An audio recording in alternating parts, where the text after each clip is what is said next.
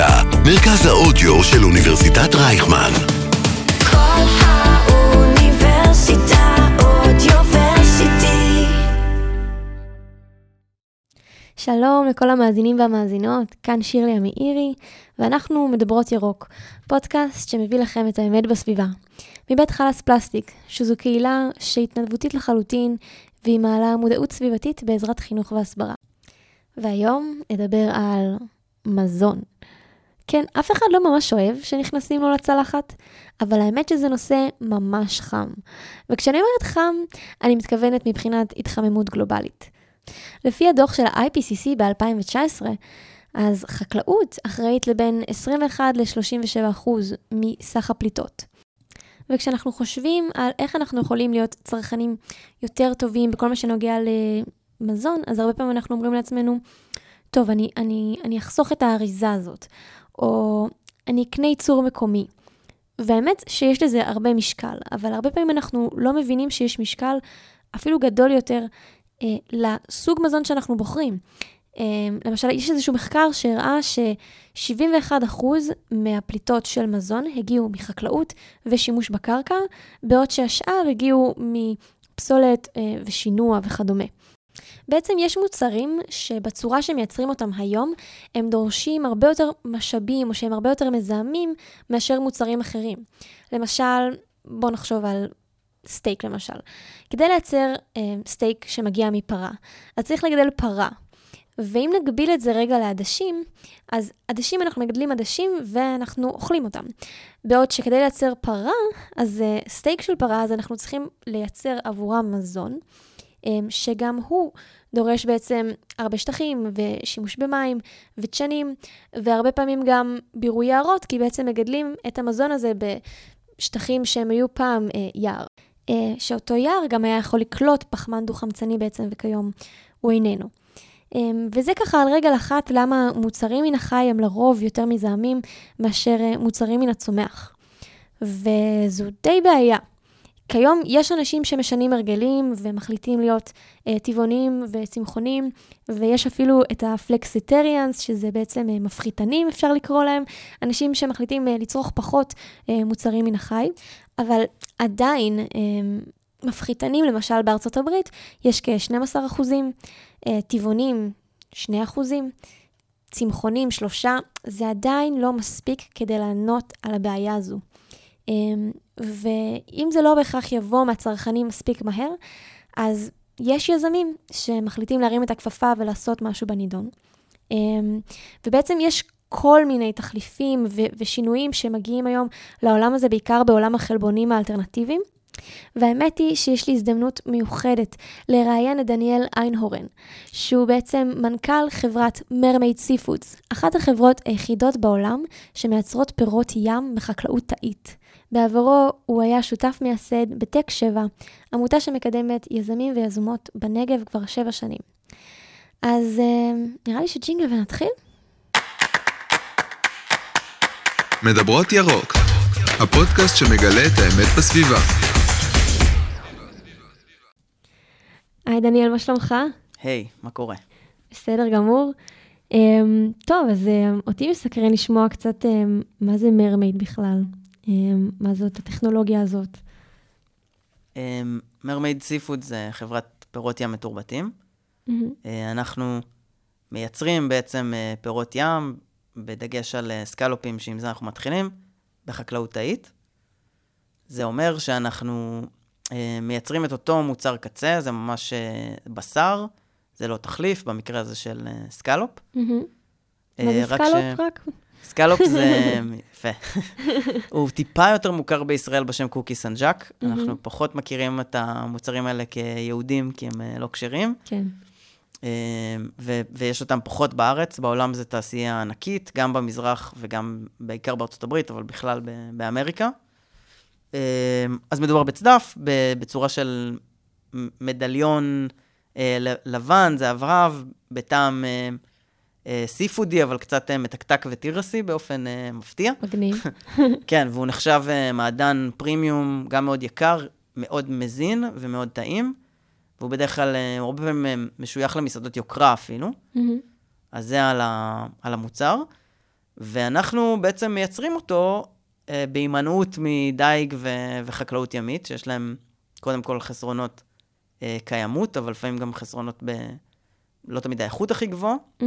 אז יש איתם כל מיני בעיות, ובעיקר האמת גם שרשרת האספקה היא מאוד בעייתית ב- בתחום הזה, מאיזה ועונתית. בחינה? אה, כאילו, קשה לגדל אותם, הם אה, רגישים למחלות, זה לוקח הרבה שנים. אה, אם זה דייג, זה, זה עונתי, זה בדרך כלל אה, רק שישה חודשים מה, מהשנה. אז זה מאוד משפיע על התנודתיות של המחירים והזמינות של המזון הזה, כדי שהוא באמת יהיה משהו שמשפיע באופן חיובי על ביטחון המזון בעולם. מהמם.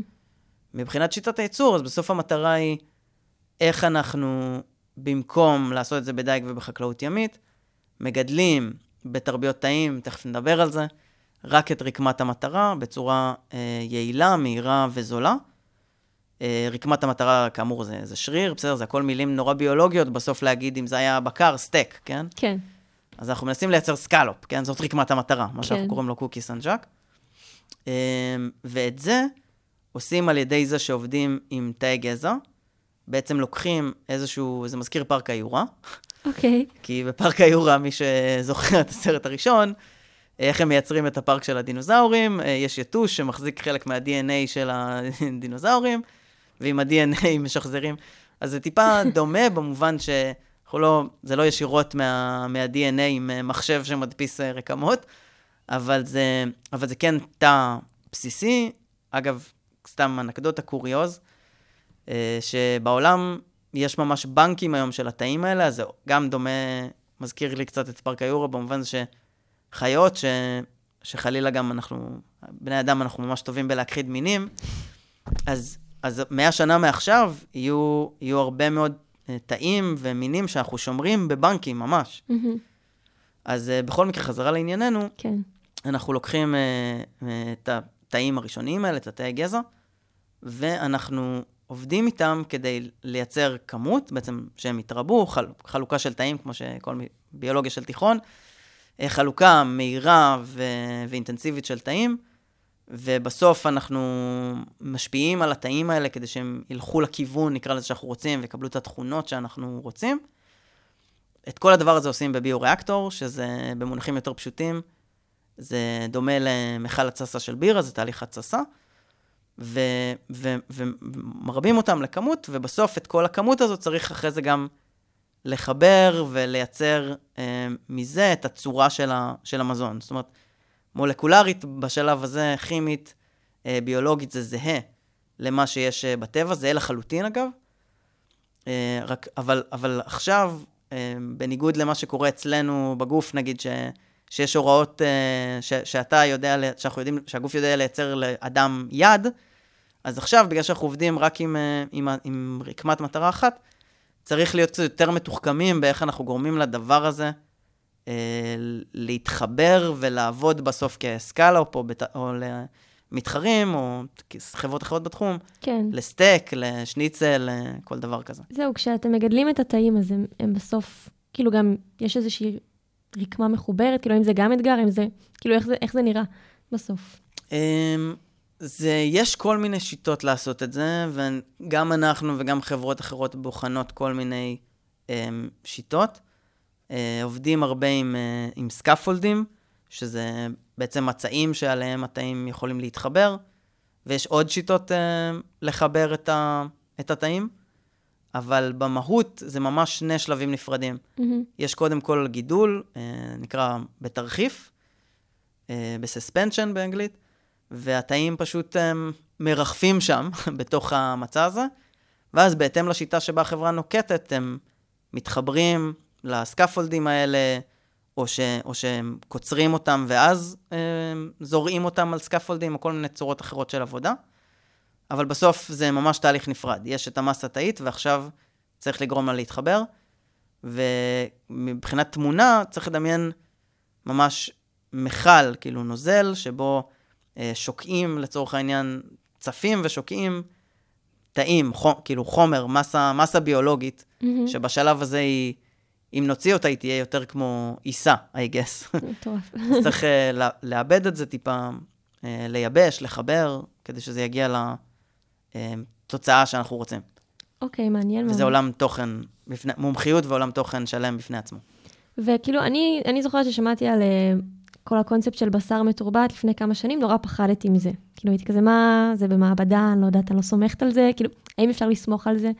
אה, האם סיכונים בריאותיים כלשהם, או, או אולי בכלל יתרונות, כאילו... אמ, אני, לגמרי יתרונות. קודם כל, נתחיל בסכנה. אה, אני, אני חושב שבתכלס אין שם, אין שם שום סכנה, להפך. זה, זה, זה מוצר שמיוצר בסביבה מאוד מבוקרת, מאוד סטרילית. למעשה, אמ, כשאנחנו אוכלים מזון, אנחנו חושבים הרבה פעמים על... דווקא זה, זה, זה רמת סטריליות, כאילו, עוד יותר, עוד יותר גבוהה. זה, הייתי קורא לזה אפילו נקי. זה, מהמם. זה ממש קלינית. לא... כן, אה, כן, אשכרה. כאילו, אמ, מהבח- מהבחינה ש, שבאמת אי אפשר להרשות ששום דבר יהיה שם, כי הוא, באמת התאים הם רגישים, זה לא כמו לעבוד עם, עם מזונות אחרים, שאולי הוא בשלב קצת יותר מגובש, והוא כן נחשף לכל מיני לכלוך ודברים שהם בגדול לא מזיקים לבני אדם. פה יוצא מוצר ממש נקי, אין לי, זו מילה יותר טובה מסטרילי פה, כי סטרילי זה, זה דווקא לא בהכרח, אה, זה, זה לא בהכרח נקי, אני מדבר על כן. ממש המוצר והמוצר בלבד. כן, זה כל מה ש... שיש שם. אז כן, אני חושב שלא רק שאין סכנה בריאותית, זה יהיה מוצר אה, קודם כל בריא יותר, וגם ברמה, נקרא לזה הפסיכולוגית, אנשים צריכים לעשות את השיפט, שהוא אפילו נקי יותר, זה ממש מוצר אידיאלי. איך אתם חושבים ש... כאילו, כמה אתם חושבים שאנשים אה, יאמצו את המוצר גם מהבחינה המחשבתית? אתם צופים התנגדויות? אתם צופים בכללי כזה בתחום? זה כמובן לא רק אה, למוצר הספציפי שלכם. ברור לי שיהיה רק מיעוט קטן ש... שאולי נקרא לזה מתנגד לזה באופן אה, עקרוני. אה, בסוף המוצר יהיה אה, עדיף בכל הבחינות מה, מהמוצרים הקיימים. הוא יהיה בחוויה, אותה חוויה, רק שהוא יהיה, רק שהוא יהיה הרבה יותר בר קיימא, הוא יהיה יותר נקי, ואתה גם תדע בדיוק מה אתה מקבל. אה, והוא, והוא פשוט, שוב, בגלל ה... יותר, בואי ניקח את זה למקום ה- הסביבתי, כן. אז um, לא תהיה ברירה, בסוף uh, צריך להחליף את כל ה... צריך להחליף את התעשייה הקיימת בגלל, בגלל שהיא uh, מזהמת, והכדור הארץ פשוט כבר לא מצליח לשאת את השיטת ייצור הישנה הזאת, היא דורשת יותר מדי משאבים ו... ומחממת לנו את הכדור. אז הדבר הזה, הסיבה שאנחנו רואים את התמורה בתעשייה, היא לא שעלתה המודעות, בק... זה נכון שעלתה המודעות בקרב הצרכנים, אבל זה לא המחולל. המחולל היא שברור לכל התעשיינים שההשפעות האקלימיות מתחילות להגיע לכיס בצד ההיצע, לא בצד הביקוש. Mm-hmm. אנשים עדיין היו אדישים יחסית ונשארו אדישים יחסית, והם ישמחו שיהיה מוצרים טובים יותר לכדור הארץ, אבל זה לא מה שדוחף אותם לקבל החלטות צרכניות בעיקרם. אז מה שמשנה זה התעשייה. התעשייה עצמה מבינה שזה הולך להיות בלתי אפשרי והולך ומתייקר, אה, מתייקר עד כדי שוב בלתי אפשרי, להמשיך בשיטה הקיימת ולהגיע לכמויות שהצרכנים צריכים. למה זה מתייקר בעצם? כי ככל שה... בעצם ככל שהכדור, אה, בעיקר, אני חושב בעיקר מתחמם, כאילו בסוף זה, זה מסתכם לזה. אה, ככל שהכדור מתחמם, ואולי זה בחיבור שצריך יותר שטח אדמה, אז שזה מוריד יערות, ועוד פעם חוזר למתחמם, אבל גם, אבל זה לא רק מוריד יערות, זה גם מצופף את בני האדם. אה, אנחנו נצטרך מתישהו להתיישב על האדמות האלה. אז, אז זה נהיה לא הגיוני. אז ברגע שנהיה לך קשה לקנות אדמות, או שיש לך מספיק אדמות, אז כבר מתייקר האדמה. כן. Uh, ברגע שצריך uh, המון מים, uh, מים מתוקים, וזה גם מתחיל לגרות את היכולת ל- לקבל, אז זה מייקר את התהליך. חום מייצר פחות יבול. חום ממוטט מערכות אקולוגיות, אז עכשיו דברים שהיו, שלא ידעת שקשורים לתעשייה שלך, איזה, מה שנקרא איזה פרפר בדרום-מזרח אסיה, uh, בסוף כאילו מוריד איזה, את היבול של איזה פרי בעץ בצפון אמריקה, כן. אה, וזה, וזה מתחיל אה, להתרגם. בים, שזה התחום שלנו, אתה הכי רואה את זה, אה, אה, יש, יש עלייה בחומציות של המים, אה, זה, זה, מה זה מורגש? זה אסון בקנה מידה מטורף, מה שקורה לשוניות, שאומנם זה כרגע לא מוצר שאנחנו אה, אוכלים, אוכלים ממנו במישרין, אה, אבל, אבל זה מגיע, זה מגיע לפירות ים וזה מגיע לדגים, וזה, זה, בגלל שזה מערכת אקולוגית, אחד משפיע על השני, Mm. ויש לגמרי סכנה של, אה, של קריסה של המערכת האקולוגית הזאת, ועוד אה, מה שנקרא fun fact, not fun at all, אבל, כן. אבל ודי מדהים, זה שבכלל הכמות אה, מזון שיוצאת מהים לא השתנתה כבר 40 שנה, זאת אומרת, היא עלתה, עלתה, עלתה עד בערך 1985, מהמ. ומאז, אה, בדייג שהולך ומחריף במאמצים ובקיצוניות שלו, לא יוצא אפילו טון אחד יותר של סי-פוד מהים, כי פשוט מיצינו את מה שיש שם. פשוט אי אפשר, כאילו. אז אני אומר, לא רק, ש, לא רק שאי אפשר להוציא יותר, אלא אם נמשיך בכיוון שאנחנו הולכים, הים יתחיל להוציא לנו פחות. מהמם. ו- וזה רק, ה- רק ההתחלה, כי בסוף, עוד פעם, זה יהיה, זה מערכת אקולוגית שתתמוטט, שלתחושתי, כ... לא רק לתחושתי, זה גם מדעי, אבל אני אומר, בטח בתור חובב ים שרואה מה קורה לים ונמצא בים, אה, זה, זה הרס החיים. כאילו, כדור הארץ התחיל, אה, הוא התחיל מהמים.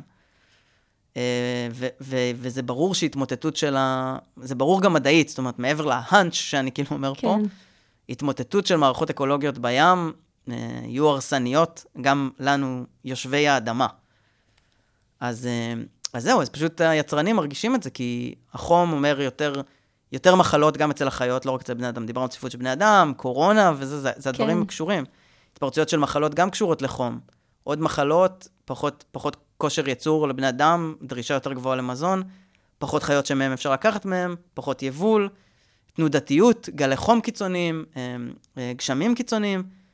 אז, אם, אז, אז, אז הגענו למקום שלא רק שאנחנו מתקשים לייצר יותר, יש סיכוי לא רע שאם נמשיך ככה נייצר פחות, מהמם. עד כדי, ואני לא רוצה להיות מהאפוקליפטים, אבל אם, אם, אם, לדל, אם לדברר את נטפליקס, אה, ואני אני כמובן רק, אני אגיד על עצמי סובייקטיבית, כמובן שאני גם עם, ה, עם העמדה המדעית הזאת, אני חושב שאם נמשיך ככה, וזה קודם כל באנרגיה, ואז מיד אחרי זה במזון, אה, אנחנו נמוטט את ה...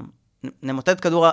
לא נגרום למצב בלתי הפיך, שכדור הארץ ילך ויהפוך uninhabitable לאורך כמה עשורים.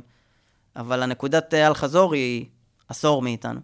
כן. אז בגלל זה אני חושב שכל התעשייה, הכסף זורם, הממשלות כבר מתחילות להתמקד, ואנחנו, אה, כל מי שיש בתוכו את יצר החדשנות ומעניין אותו לשנות את זה, נכנס, מוצא פתרון מדעי ראוי ועסקי ראוי, שבסוף מישהו צריך, מה שנקרא, לאכול את זה וליהנות מזה, ו- ויש פתרונות. ואני מאמין שגם הפעם, הטכנולוגיה, כמו, כמו בעבר, אבל הפעם זה גם הכי קיצוני, אני חושב שהיה לנו, אנחנו פשוט לא נצליח לשרוד כמין אם הטכנולוגיה לא תפרוץ, ולכן הלחץ על הטכנולוגיה, במובן החיובי, שזורם כסף ורוצים לפתור, ואנשים מחויבים, ויותר אקדמיה, ויותר מדע ויותר טכנולוגיה, הכל הולך לשם כדי להציל אותנו, כן, בעצם. גם בבשר למשל, אה, אז הצריכה רק הולכת וגדלה. פתאום מדינות שפעם לא הרשו לעצמם אה, לקנות בשר כי זה היה להם אה, יקר, אז עכשיו הן יותר ויותר יכולות להרשות את זה לעצמם,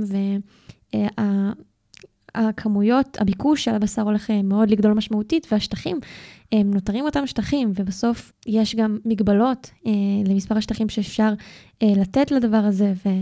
וגם את ההשלכות הסביבתיות של אה, מתן שטחים לעוד גידולים אה, חקלאיים של אה, בקר ושל גידולים מן החי. אז חקלאות תאית באמת יכולה לתת איזשהו מענה מאוד גדול אה, לבעיה הזו, אבל אני מאמינה שגם לה יש כל מיני אה, בעיות סביבתיות שאולי יכולות להיות נלוות וצריך לדעת להתמודד איתן, כמו אולי אה, כל הגידולים של התאים הם דורשים צריכת חשמל משמעותית, ואני מניחה שגם שם יש פסולת, או שימוש נרחב במים אולי.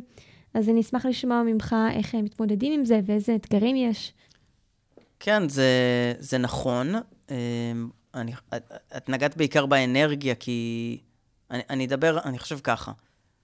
אחד, האתגרים הראשוניים שאיתם כרגע התעשייה מתעסקת, ובצדק, וגם אנחנו במרמייד, זה, זה כמות ועלות ייצור. בסדר? זה, זה צורה מסוימת של ברות קיימא, או אפילו הייתי קורא לזה היתכנות, ש, שאנחנו נדבר עליה, מדברים עליה ברוב, ה, ברוב הפרק הזה. אה, אז אני דווקא אגע ב, בשתי נקודות שברור לי שגם השתנו, אבל זה, זה מה עושים עם הפסולת שנוצרת בתהליך הזה. כן, מה, מה, בעצם, אה, איזה חומרי, יש חומרי גלם היום מהחי שנכנסים לתעשייה הזאת, אה, שצריך, אה, שצריך ויצליחו למזער אותה ובעצם לחסל אותה, שלא נצטרך בכלל את הרכיבים האלה, כי זה עוד פעם לא ססטנבילי. כן. עוד דוגמה של חוסר ברות קיימא זה מה עושים עם הפסולת. מהמם. והחברות יידרשו לתת לזה פתרונות, אני עוד רגע אגיד על זה עוד משהו.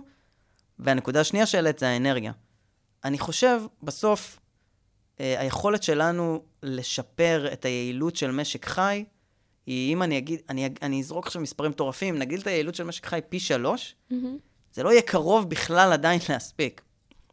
ולכן, אה, זה, זה חשוב וזה טוב, ו, ו, וזה עדיין השיטה הרווחת ל, ל, לכמה זמן קדימה. כן. אז זה חשוב, אבל זאת לא המהפכה שאנחנו צריכים. אז אם אנחנו מסתכלים על זה עוד פעם מנקודת מבט של אנרגיה, אה, אני שואל אותך, שאלה רטורית כמובן, אה, מה יהיה לדעתך יותר קל? למזער את הצריכה האנרגטית של... אה, של או, או, או, או להגדיל את היעילות של אה, משק חי, או לקחת מפעל שהוא עובד ואפשר לעשות לו אוטומציה, וכל הזמן מחשבים, אה, לא יודע, יש היום גם AI כבר בתעשייה הזאת. בעצם אופטימיזציה, כמו שעשינו בכל התעשיות, אופטימיזציה אה, בלתי פוסקת על אה, תהליך הייצור. אז אני חושב שאופטימיזציה לא תעזור לנו עם, עם, עם עלות וכמות, ובגלל זה זה עיקר העיסוק עכשיו, וזאת הבעיה המרכזית. במונחים אנרגטיים, אני בטוח שנמצא את הפתרונות, בין אם זה איפה למקם את זה גיאוגרפית ביחס לחיה שמגדלים, כי התאים אולי צריכים טמפרטורות אחרות. מהמם. אה, ועד כדי באמת אה, דברים הבסיסיים, פאנלים סולאריים, אה, בריכות, אם זה קשור להאצות. אה, כאילו יש, ואגב, במאכלי ים יש גם הרבה עבודה שאפשר לעשות עם, עם מי ים ולא עם מים מתוקים. אז, אה, אז הדברים האלה, קיימים להם מספיק פתרונות תיאורטיים. עכשיו ממש שלפתי מהמותן, כן. כדי שבטח ברמת ההלכה למעשה, נמצא גם דברים שאפילו לא, לא חשבתי עליהם. מטורף. כן, אני, חושב, אני גם חושבת שיש, אה, נגיד רימילק, לפי מה שהבנתי, הבחירה שלהם במיקום המפעל גם הייתה באמת מהבחינות הסטסטנביליות, כאילו של אה, שימוש באנרגיה שהיא קצת יותר ברת קיימא מאשר מקומות אחרים. אז זה ממש בשליטת החברות אה, להחליט מהמובן הזה. אה, ואיך אתם משתמשים, אה, כאילו, איך אתם בעצם מטפלים בפסולת שלכם? אה, אז אצלנו זה באמת אה, מקרה מאוד מיוחד. אה, חברות, חברות בתחום יצטרכו למצוא לעצמם כל מיני פתרונות אה, ברגע שכל חברה שמגיעה לסקייל מסחרי בעצם מייצרת די הרבה פסולת שהיא צריכה איכשהו להתמודד איתה. היום זה משהו שפחות מתעסקים בו, פשוט כי הרבה מאוד מהתעשייה עדיין לא נמצאת במקום הזה. אצלנו היופי הוא שהפתרון הוא לגמרי אינטגרלי. אנחנו ממחזרים את הפסולת הזאת, שזה בעצם נקרא מדיום גידול משומש, באמצעות אצות. אה, זה חלק מהותי והקניין הרוחני והממש מרכז הכובד המופי של החברה נמצא שם. מהמם. אה, מה אז- זה המדיום הזה רק? אז uh, התאים, כמו כל יצור, בעצם, שוב, זה דווקא דברים נורא פשוטים, זה הכל תמיד הדברים האלה, טרמינולוגיה, כן. זה קורה בכל תחום, אני חושב. אז uh, בסוף uh, אנחנו מכירים את זה כי אנחנו חיות.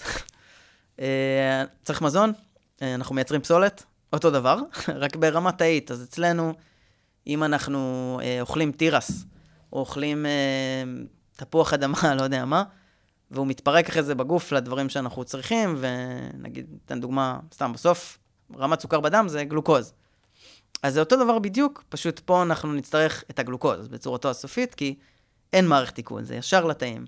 לצורך העניין, כמו שהגוף אצלנו שוחה במערכת הדם, אז גם פה אנחנו צריכים לייצר את הסביבה הזאת. והסביבה הזאת היא, בגדול, זה עדיין מזון, פשוט בצורתו, ה, נקרא לזה, המפורקת ביותר, הסופית ביותר, ב- בעיקרו של דבר. אמ, אז כל הסביבה הזאת היא מאוד מאוד יקרה לייצור היום. אמ, כל החברות מחפשות דרכים איך לייצר את זה יותר בזול, או להפוך את השיטה הזאת סביב הנושא המאוד בעייתי הזה ליעיל יותר. ואנחנו עושים את זה על ידי זה שאנחנו לוקחים את הפסולת שהתאים האלה מייצרים, בתוך הסביבה הזאת המדיום הזה נהיה משומש. כל החברות צריכות להיפטר מזה, הן עושות את זה בתהליך שנקרא פרפוזיה, שזה תהליך שבו מוציאים את, ה, את המדיום המשומש, את הסביבה הזאת, המשומשת, ומכניסים מדיה חדשה, את המדיה המאוד מהמם. יקרה שהרגע תיארנו. כן.